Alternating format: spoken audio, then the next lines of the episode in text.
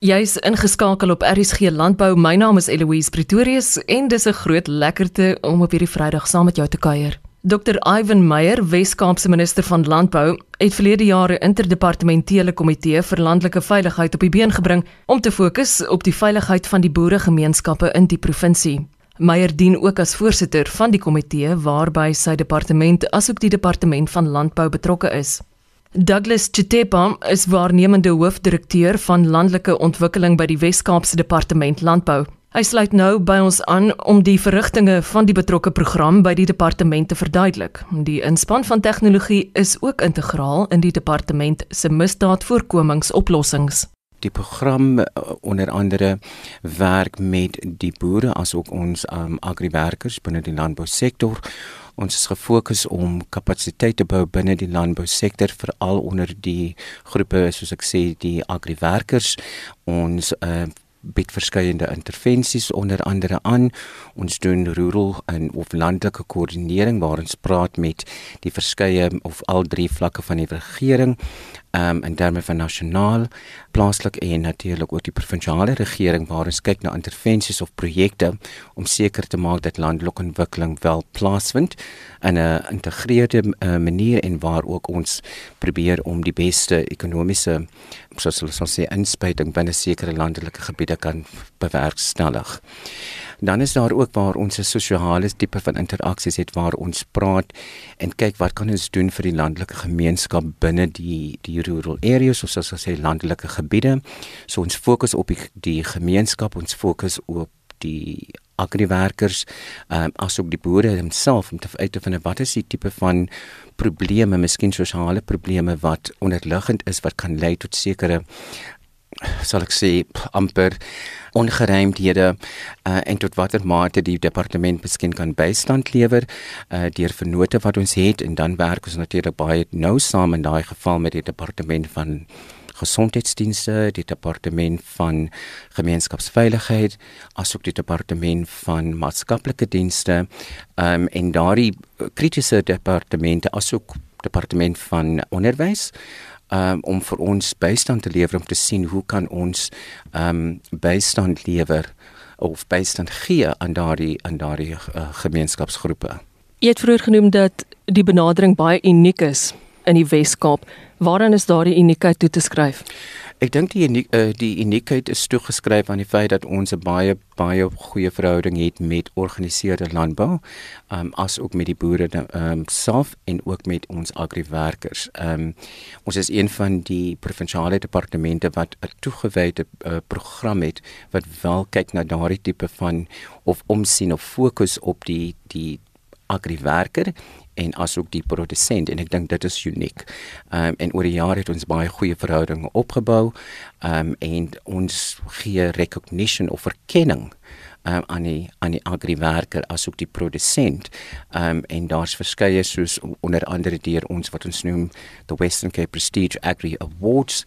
Dit is ehm um, ons het omtrent 16 streeks kompetisies wat plaasvind uh natuurlik binne die perke van COVID-19 uh COVID-19 en dit is een van die tipe van intervensies waar ons weer eens die agriwerker en die produsent die nodige erkenning gee vir die vir die kritiese rol in in in werk wat hulle doen binne die landbousektor en soos ek sê ander intervensies wat ons wel doen ons kyk na substance abuse of dwelmmisbruik ehm um, wat die oorsake daarvan is. En soos ek sê in daardie geval word dit verwys na die departement van maatskaplike dienste. Sou daar onderliggende gesondheidsprobleme wees onder die gemeenskap dan verwys ons na die departement van gesondheid ook. Ons werk ook baie nou met die departement van arbeid rakende arbeidsaangeleenthede binne die sektor en en ek moet sê dat ons het 'n baie baie goeie verhouding met die verskeie departemente en binne binne die raamwerk van die drie vlakke van die regering. Binne die departement en wat die program doen is soos ek sê die program is is gevestig. Uh die uh die program werk um, reg oor die oor die verskillende distrikte binne die provinsie.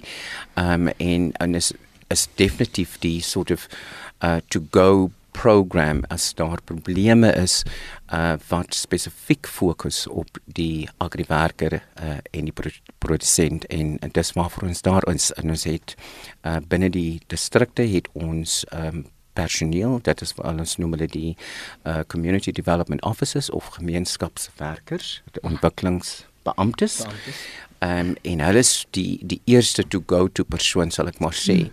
Sou daar enige probleme is wat ondervind word of sou daar iets is wat eh uh, die die publiek wil met ons deel rondom die agriwerker ehm um, en die produsent en dis waar ons is. Augustus 2020, dit was 'n belangrike maand vir julle. Ja, ehm um, Augustus 2020 het ons basies die departement het die vyf ministerie prioriteite uh, van ons huidige minister en dit is Dr. Ivan Meyer ehm um, binne die departement gefinaliseer en begin implementeer en as gevolg daarvan een van die ehm um, aksies uit daardie prioriteite is as landelike veiligheid is een van die uh, vyf prioriteite.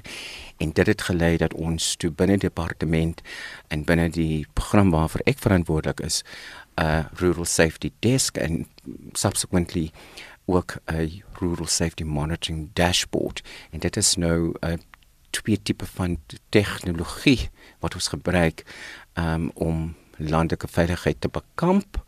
Um, en dit is iets wat ons vir die agriwerkers en die produsent um beskikbaar stel om vir ons insette daarop te lewer sodat ons daarop kan reageer. En Byron, dit is nou waar jy ook in die prentjie tree. Um, my naam is Byron Jacobs. Um, ek is aangestel as die projekkoördineerder vir landelike veiligheid in die program um, program 8 by die departement um, landelike ontwikkeling.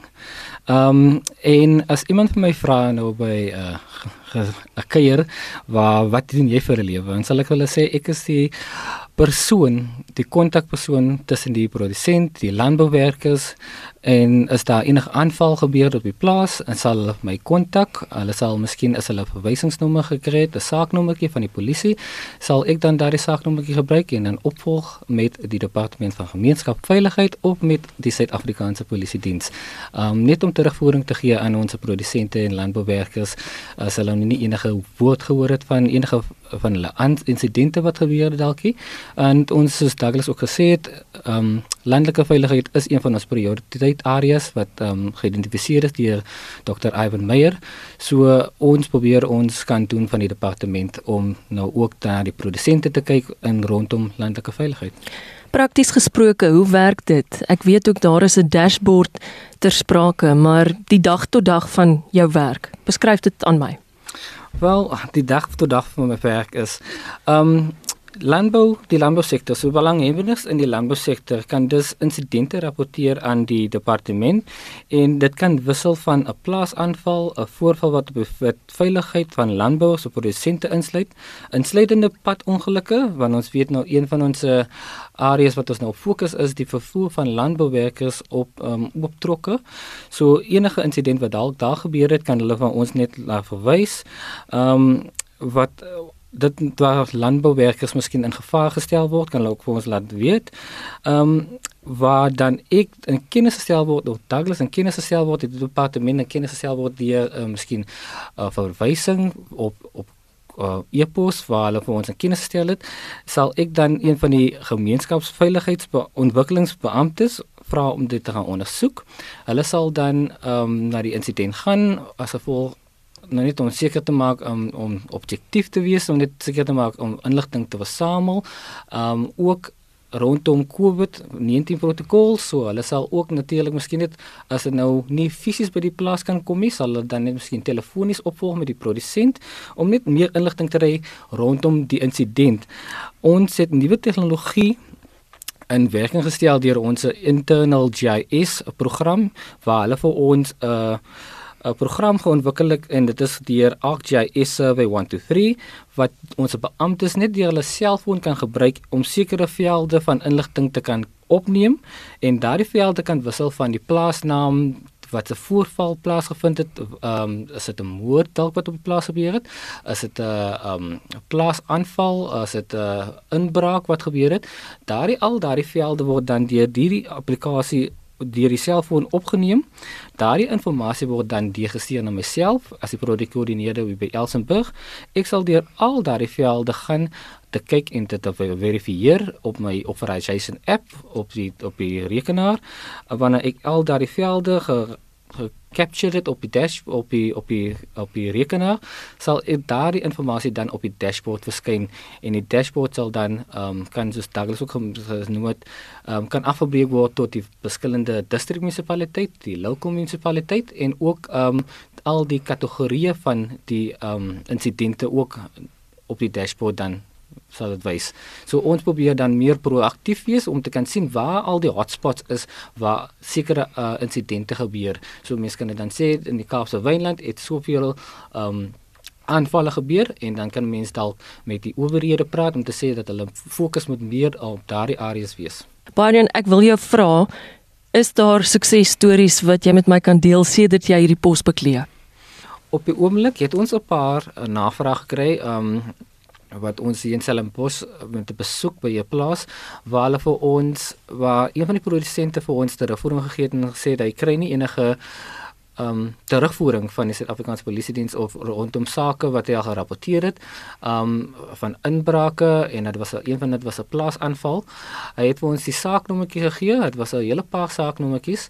Ons het daardie saaknommertjies gevat en dan het um, 'n forum ingevul deur ons het ons assistent departement van gemeenskapsveiligheid en ons het deur hulle court watch briefing unit gewerk en hulle het vir ons terugvoering gegee want hulle kan dan daardie saaknommertjie gebruik en dan met die Suid-Afrikaanse Polisie Diens in kontak kom of speurder om net uit te vind waar lê daardie inligting of waar hoe ver is daardie saakie. Hulle het vir ons terugvoering gegee oor daardie verskillende saaknommertjies en ons kon daardie inligting dan teruggee aan die produsent om vir hom te sê dat dit is hoe ver hulle is besig met die ondersoek en hierdie saaknommertjie, die persoon is word verskyn in die landros van Stellenbosch op hierdie dag en ons gaan seker maak net om seker maak dat die staatsaanklaers hulle saak baie stewig is en sodat ons seker maak dat hierdie persoon dan aangekla kan word. Waar en waar kry ek jou in die hande? Jy kry my hande. Ons het 'n e-posadres gerig hier by die departement. Die e-posadres is ruralsafety@elsenburg.com. Mense kan ook my kontak op my telefoon is 021 808 5421 of op my selfoon 0780962504. Douglas wonderstel, ek het nog 'n vraag wat ek baie graag aan jou ook sou wou rig. Wat is 'n goeie praktiese manier om met jou in verbinding te tree? Ek is hier beskikbaar by die departement. Ek kan geskakel word op 021 808 5294 en my e-posadres is douglasc@elsenburg.com. Dankie vir die werk wat julle doen. Alle sukses vorentoe en ek sien daarna uit om nog stories van sukses en vooruitgang en beskerming nog baie oor te gesels hier op RSG Landbou. Baie dankie. Baie dankie. So gesels Douglas Chitepa, waarnemende hoofdirekteur van landelike ontwikkeling by die Wes-Kaapse Departement van Landbou, asook projekkoördineerder vir landelike veiligheid Byron Jacobs. Luister gerus weer na hierdie program, na dit afgelaai het op www.elsenburg.com. Onthou ook van ons volgende afspraak môreoggend om 12:15. Ek is Eloise Pretorius. Totsiens.